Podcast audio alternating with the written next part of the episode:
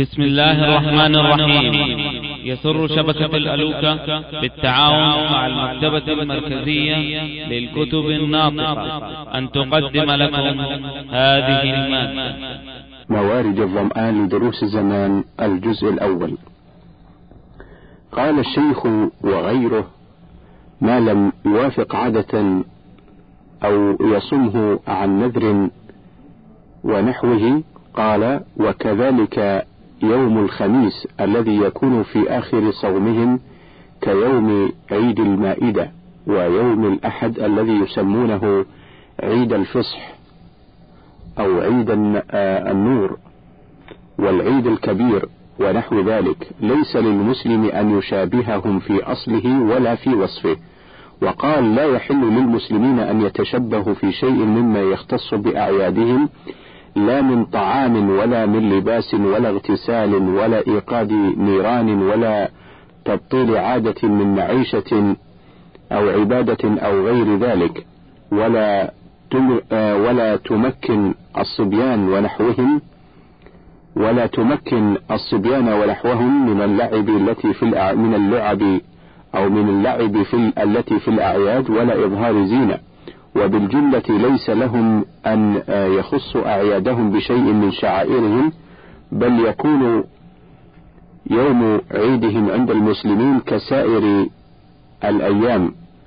لا يخصه المسلمون بشيء من خصائصهم وتخصيصه بما تقدم فلا نزاع فيه بين العلماء بل قد ذهبت طائفة من العلماء إلى كفر من يفعل هذه الأمور لما فيها من تعظيم شعائر الكفر. وقد اشترط عمر والصحابة وسائر أئمة المسلمين ألا يظهروا أعيادهم في ديار المسلمين فكيف إذا أظهرها المسلمون؟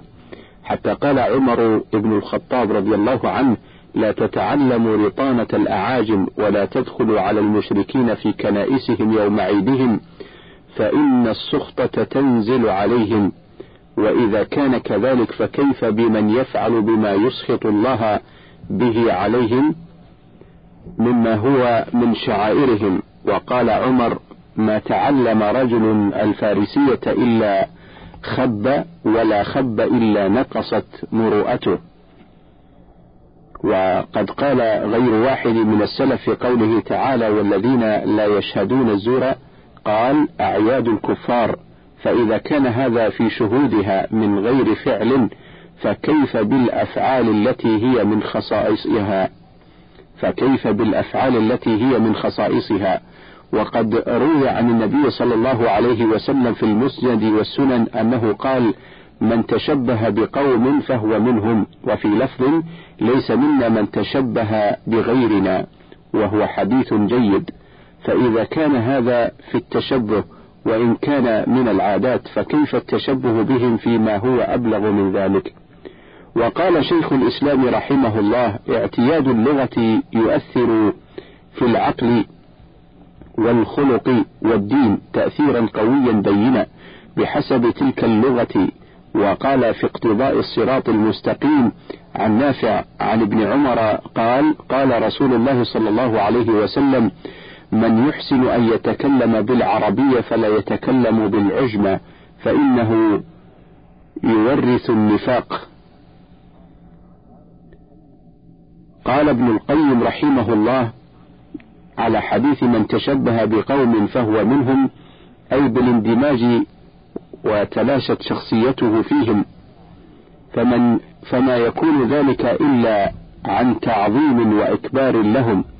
فهو لذلك يلغي شخصيته ويتلاشى في شخصية الآخرين فمن تشبه بالرسول صلى الله عليه وسلم وأصحابه بإلغاء شخصية الجاهلية السفهية أو السفيهة واندمج في معنوية الرسول صلى الله عليه وسلم وأصحابه علما وعملا واعتقادا وأدبا فهو بلا شك منهم. ومن تشبه بالإفرنج في لباسهم وأخلاقهم ونظمهم ومعاملتهم فهو بلا شك أفرنجي غير مسلم. وإن صلى وصام وزعم أنه مسلم فلهذا التشبه فلهذا التشبه ونتائجه الدينية والدنيوية نرى المعظمين للنصارى والوثنيين الحريصين على التشبه بهم والاندماج فيهم يعاونونهم على الضرر بدينهم وبلادهم وأممهم عن قصد وعن غير قصد. انتهى. ويكره وصال إلا من النبي صلى الله عليه وسلم لما ورد عن أبي هريرة رضي الله عنه قال نهى رسول الله صلى الله عليه وسلم عن الوصال. فقال رجل من المسلمين فإنك تواصل يا رسول الله. فقال وأيكم مثلي؟ إني أبيت يطعمني ربي ويسقيني. فلما أبوا أن ينتهوا عن الوصال واصل بهم يوما ثم يوما ثم رأوا الهلال فقال لو تأخر الهلال لزدتك لزدتكم. كالمنكل لهم حين أبوا أن ينتهوا متفق عليه. ولا يجوز صوم العيدين عن فرض أو تطوع وإن قصد صيامها كان عاصيا. ولا يجزئ عن الفرض. ولا يجوز صيام أيام التشريق إلا عن دم إلا عن دم متعة وقران.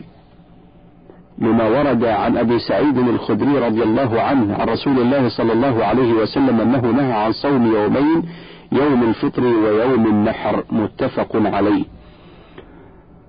وروى أبو عبيد مولى أزهر قال شهدت العيد مع عمر بن الخطاب رضي الله عنه فقال هذان يومان نهى رسول الله صلى الله عليه وسلم عن صيامهما يوم فطركم من صيامكم واليوم الآخر تأكلون فيه من نسككم. متفق عليه. وأما أيام التشريق فلما روي عن نبيشة أو نبيشة الهذلي رضي الله عنه قال قال رسول الله صلى الله عليه وسلم أيام التشريق أيام أكل وشرب وذكر الله عز وجل. ورواه مسلم. وعن عائشة وابن عمر رضي الله عنهم أن النبي صلى الله عليه وسلم نهى عن صوم خمسة أيام في السنة يوم الفطر ويوم النحر وثلاثة أيام التشريق رواه الدار قطني. فوائد عظيمة المنفعة فوائد عظيمة المنفعة. مجالسة العارف الزاهد تدعو من ست إلى ست. من الشك إلى اليقين ومن الرياء إلى الإخلاص ومن الغفلة إلى الذكر ومن الرغبة في الدنيا إلى الرغبة في الآخرة. ومن الكبر إلى التواضع ومن سوء الطوية إلى النصيحة. الأفضل في أوقات السحر الاشتغال بقراءة القرآن والصلاة والاستغفار وفي وقت الأذان إجابة المؤذن والدعاء لأنه وقت إجابة. وفي وقت الصلوات الخمس الاستعداد لها والجد والاجتهاد والحرص على طرد الأفكار الصادة عن تأمل معاني الآيات والتسبيح والتبكير بل والتكبير. والنصح في إيقاعها على أكمل وجه والمبادرة إلى تأديتها في أول وقتها والخروج إلى الجامع وإن بعد كان أفضل لكثرة الخطأ. والأفضل في أوقات ضرورة المحتاج إلى المساعدة بالمال أو الجاه أو البدن الاشتغال بمساعدته وإغاثته. والأفضل في وقت قراءة القرآن الحرص على تدبره وتفهمه حتى كأن الله تعالى يخاطبه به. ويعزم على تنفيذ أوامره واجتناب نواهيه. والأفضل في عشر ذي الحجة الاجتهاد والحرص على الإكثار من الأعمال الصالحة والدعاء والتضرع والإكثار من قراءة القرآن وذكر الله. والأفضل في الوقوف بعرفة الاجتهاد في الدعاء والتضرع والإكثار من قول لا إله إلا الله. والأفضل في العشر الأخير من رمضان لزوم المساجد والخلوة والاعتكاف وتلاوة القرآن. والإكثار من الباقيات الصالحات والحرص على إخراج الزكاة في هذا الشهر المبارك وإفطار الصوام والأفضل في وقت مرض أخيك المسلم أو موته عيادته وحضور جنازته وتشييعه وتقديم ذلك على خلواتك وجمعيتك. والأفضل في وقت نزول النوازل وأذات الناس لك أداء واجب الصبر مع خلطتك بهم دون الهرب منهم فإن المؤمن الذي يخالط الناس ويصبر على أذاهم أفضل من الذي لا يخالطهم ولا يؤذونه. والأفضل خلطتهم في الخير فهي خير من اعتزالهم من اعتزالهم فيه واعتزالهم في الشر أفضل فإن علم أنه إذا خالطهم أزاله أو قلله فخلطتهم حينئذ أفضل من اعتزالهم. شعرا إني أرقت وذكر الموت أرقني وقلت للدمع أسعدني فأسعدني. يا من يموت فلم يحزن لميتته ومن يموت فما أولاه بالحزن. تبغي النجاة من الأحداث محترسا وإنما أنت والعلات في قرن. يا صاحب الروح ذي الأنفاس في البدن. بين النهار وبين الليل مرتهن لقلما يتخطاك اختلافهما حتى يفرق حتى يفرق بين الروح والبدن. طيب الحياة لمن خفت مؤونته ولم تطب لذوي الأثقال والمؤن. لم يبق ممن مضى إلا توهمه. لم يبق ممن مضى إلا توهمه كأن من قد قضى بالأمس لم يكن وإنما المرء في الدنيا بساعته سائل بذلك أهل العلم والزمن. ما أوضح الأمر للملقى ما أوضح الأمر للملقي بعبرته بين التفكر والتجريد والفطن ألست يا ذا ترى الدنيا مولية فما يغرك فيها من هم وهن. لأعجبن وإني لأعجبن وأنا ينقضي عجبي. الناس في غفلة والموت في سنن وضاعن من بياض الريطة كسوته.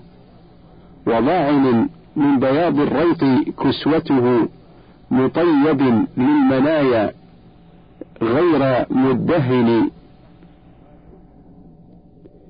غاديته بعد تشييعه منجدلا في قرب دار وفي بعد عن الوطن. لا يستطيع انتقاصا في محلته من القبيح ولا يزداد في الحسن. الحمد لله شكرا ما أرى سكنا يلوي ببحبوحة الموتى على سكن. ما بال قوم وقد صحت عقولهم فيما فيما ادعوا يشترون الغي بالثمن. لتجذبني يد الدنيا لتجذبني يد الدنيا بقوتها إلى المنايا وإن نازعتها رسني وأي يوم لمن وافى منيته يوم تبين فيه صورة الغبن. لله دنيا الناس دائبين لها. لله دنيا أناس دائبين لها. قد ارتعوا قد أرتعوا في رياض الغي والفتن كسائمات رواع تبتغي سمنا وحتفها لو درت في ذلك السمن. وحتفها لو درت في ذلك السمن. اللهم اسلك بنا مسلك الصادقين الأبرار وألحقنا بعبادك المصطفين الأخيار وآتنا في الدنيا حسنة وفي الآخرة حسنة وقنا عذاب النار.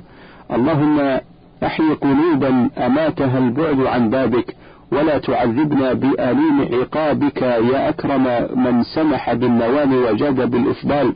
اللهم أيقظنا من غفلتنا بلطفك وإحسانك وتجاوز عن جرائمنا بعفوك وغفرانك واغفر لنا ولوالدينا ولجميع المسلمين الأحياء منهم والميتين برحمتك يا أرحم الراحمين وصلى الله على محمد وعلى آله وصحبه أجمعين. فصل في الحث على تقوى الله عز وجل. عباد الله عليكم بتقوى الله فإنها وصية الله للأولين والآخرين.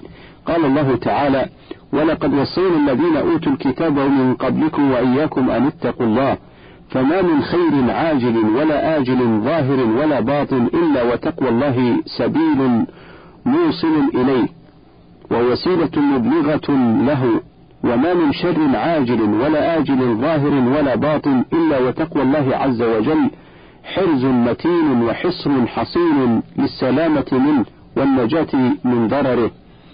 وكم علق الله العظيم في كتابه العزيز على التقوى من خيرات عظيمة وسعادات جسيمة من ذلك المعية الخاصة المقتضية للحفظ والعناية والنصر والتأييد. قال تعالى واتقوا الله واعلموا أن الله مع المتقين. ومن ذلك المحبة لمن اتقى الله. قال الله تعالى فما استقاموا لكم فاستقيموا لهم إن الله يحب المتقين. ومن ذلك التوفيق للعلم. قال تعالى واتقوا الله ويعلمكم الله. ومن ذلك نفي الخوف والحزن عن المتقي المصلح. قال الله تعالى فمن اتقى وأصلح فلا خوف عليهم ولا هم يحزنون. ومن ذلك الفرقان عند الاشتباه ووقوع. ووقوع الإشكال. والكفارة للسيئات والمغفرة للذنوب. قال الله تعالى يا أيها الذين آمنوا إن تتقوا الله يجعل لكم فرقانا ويكفر عنكم سيئاتكم ويغفر لكم والله ذو الفضل العظيم. ومن ذلك النجاة من النار. قال الله تعالى وإن منكم إلا واردها كان على ربك حتما مقضيا. ثم ننجي الذين اتقوا. وقال تعالى وينجي الله الذين اتقوا بمفازتهم لا يمسهم لا يمسهم السوء ولا هم يحزنون. ومن ذلك المخرج ومن ذلك المخرج من الشدائد والرزق من حيث لا يحتسب. قال تعالى ومن يتق الله يجعل له مخرجا ويرزقه من حيث لا يحتسب. ومن ذلك اليسر. قال الله تعالى ومن يتق الله يجعل له من أمره يسرا. ومن ذلك عظم الأجر. قال تعالى ومن يتق الله يكفر عنه سيئاته ويعظم له أجرا. ومن ذلك الوعد من الله بالجنة. قال تعالى جنات عدن التي وعد الله جنات عدن التي وعد الرحمن عباده بالغيب. الآيات إلى قوله تعالى كان تقيا. وقال تعالى وأزلفت الجنة للمتقين وقال تعالى إن المتقين في جنات ونهر في مقعد صدق عند مليك مقتدر. وقال تعالى إنما يتقبل الله من المتقين. وقال تعالى الأخلاء يومئذ بعضهم لبعض عدو إلا المتقين. ومن ذلك الكرامة عند الله بالتقوى. قال تعالى إن أكرمكم عند الله أتقاكم. إذا فهمت ذلك فاعلم أن التقوى هي امتثال الأوامر واجتناب النواهي فالمتقون هم الذين يراهم الله من حيث أمرهم ولا يقدمون على ما نهاهم عنه. المتقون هم الذين يعترفون بالحق قبل أن يشهد عليهم ويعرفونه ويؤدونه وينكرون الباطل ويجتنبونه ويخافون الرب الجليل الذي لا تخفى عليه خافية. المتقون يعملون بكتاب الله فيحرمون ما حرمه ويحلون ما أحله. ولا يخونون في أمانة ولا يرضون بالذل والإهانة ولا يعقون ولا يقطعون ولا يؤذون جيرانهم ولا يضربون إخوانهم. يصلون من قطعهم ويعطون من حرمهم ويعفون عمن ظلمهم الخير عندهم مأمول والشر من جانبهم مأمون.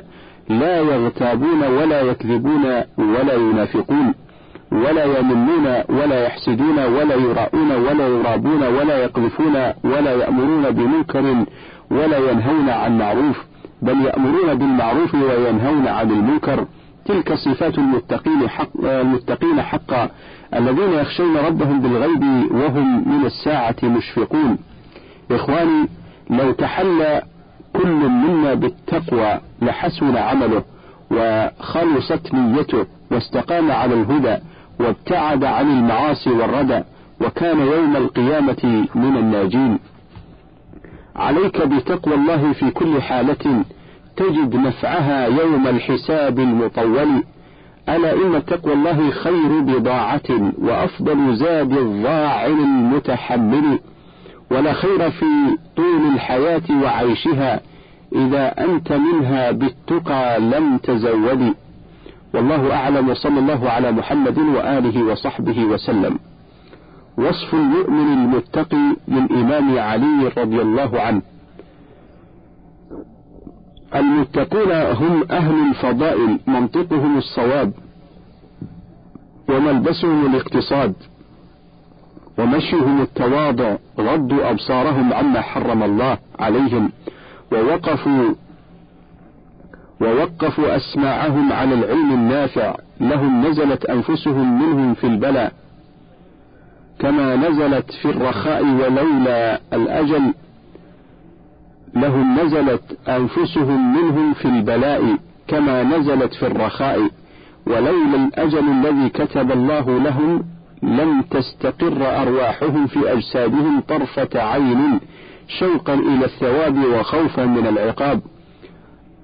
عظم الخالق في, في أنفسهم فصغر ما دونه في أعينهم فهم والجنة كمن قد رآها فهم فيها منعمون وهم والنار كمن قد رآها فهم فيها معذبون. قلوبهم محزونة وشرورهم مأمونة وأجسادهم نحيفة وحاجاتهم خفيفة وأنفسهم عفيفة صبروا أياما قصيرة أعقبتهم أعقبتهم راحة طويلة وتجارة مريحة يسرها لهم ربهم. أرادتهم الدنيا فلم يريدوها وأسرتهم ففدوا أنفسهم وأسرتهم ففدوا أنفسهم منها أما الليل فصافون أقدامهم تالين القرآن تالين لأجزاء القرآن يرتلونه ترتيلا. يحزنون به أنفسهم ويستبشرون به دواء دائهم. ويستثيرون به دواء دائهم. فإذا مروا بآية فيها تشويق ركنوا إليها طمعا وتطلعت نفوسهم إليها شوقا. وظنوا أنها نسب أعينهم وإذا مروا بآية فيها تخويف أصغوا إليها مسامع قلوبهم وظنوا أن زئير جهنم وشهيقها وظنوا أن زفير جهنم وشهيقها في أصول آذانهم فهم حامون على أوساطهم مفترشون لجباههم وأكفهم وركبهم وأطراف أقدامهم يطلبون إلى الله تعالى في فكاك رقابهم وأما النهار فحلماء علماء أبرار أتقياء. قد برأهم الخوف قد براهم الخوف بري القداح. ينظر إليهم الناظر الناظر فيحسبهم مرضى وما بالقوم من مرض. ويقول قد خولطوا ولقد خالطهم أمر عظيم. لا يرضون من أعمالهم القليل ولا يستكثرون الكثير. فهم لأنفسهم متهمون ومن أعمالهم مشفقون. إذا زكي أحدهم خاف مما يقال فيقول أنا أعلم بنفسي من غيري وربي أعلم بي من نفسي. اللهم لا تؤاخذني بما يقولون واجعلني أفضل مما يظنون واغفر لي ما لا يعلمون. فمن علامة أحدهم أنك ترى له قوة في دين وحزما في لين وإيمانا في يقين وحرصا في علم وعلما في حلم وقصدا في غنى وخشوعا في عبادة وتحملا في فاقة وصبرا في شدة وطلبا في حلال ونشاطا في هدى وتحرجا عن طمع. وإذا بحثت عن التقى وجدته رجلا يصدق قوله بفعاله. وإذا اتقى الله امرؤ وأطاعه فيداه بين مكارم ومعالي وعلى التقي إذا ترسخ في التقى وعلى التقي إذا ترسخ في التقى تاجان تاج سكينة وجمال. وإذا تناسبت الرجال فما أرى نسبا يكون كصالح الأعمال. التقى يعمل الأعمال الصالحين. التقي يعمل الأعمال الصالحين الصالحة وهو على وجل. يمسي وهمه الشكر ويصبح وهمه الذكر.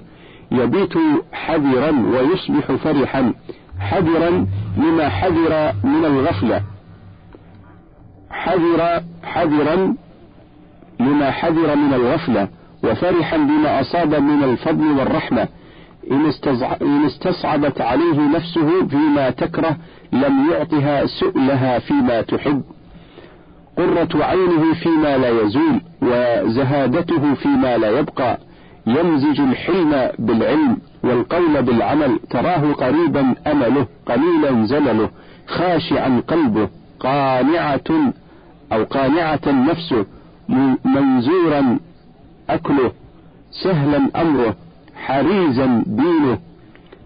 ميتة شهوته مكظوما غيظه الخير منه مأمول والشر منه مأمون. إن كان في الغافلين كتب في الذاكرين. وإن كان في الذاكرين لم يكتب من الغافلين يعفو عمن ظلمه ويعطي من حرمه ويصل من قطعه بعيدا فحشه لينا قوله غائبا منكره حاضرا معروفه مقبلا خيره مدبرا شره. في الزلال وقور وفي المكاره صبور وفي الرخاء شكور. لا يحيف على من يبغض ولا يأثم في من يحب. يعترف بالحق قبل أن يشهد عليه. لا يضيع ما استحفظ. لا يضيع ما استحفظ. ولا ينسى ما ذكر. ولا ينسى ما ذكر. ولا ينابز بالألقاب. ولا يضار بالجار. ولا يشمت بالمصاب. ولا يدخل في الباطل. ولا يخرج من الحق. إن صمت لم يغمه صمته. وإن ضحك لم يعل صوته. وإن بغي عليه صبر حتى يكون الله هو الذي ينتقم له له. نفسه منه في علاء والناس منه في راحة. أتعب نفسه لآخرته وأراح الناس من نفسه. فصل. قال الله تبارك وتعالى وتقدس إن الذين اتقوا إذا مسهم طائف من الشيطان تذكروا فإذا هم مبصرون.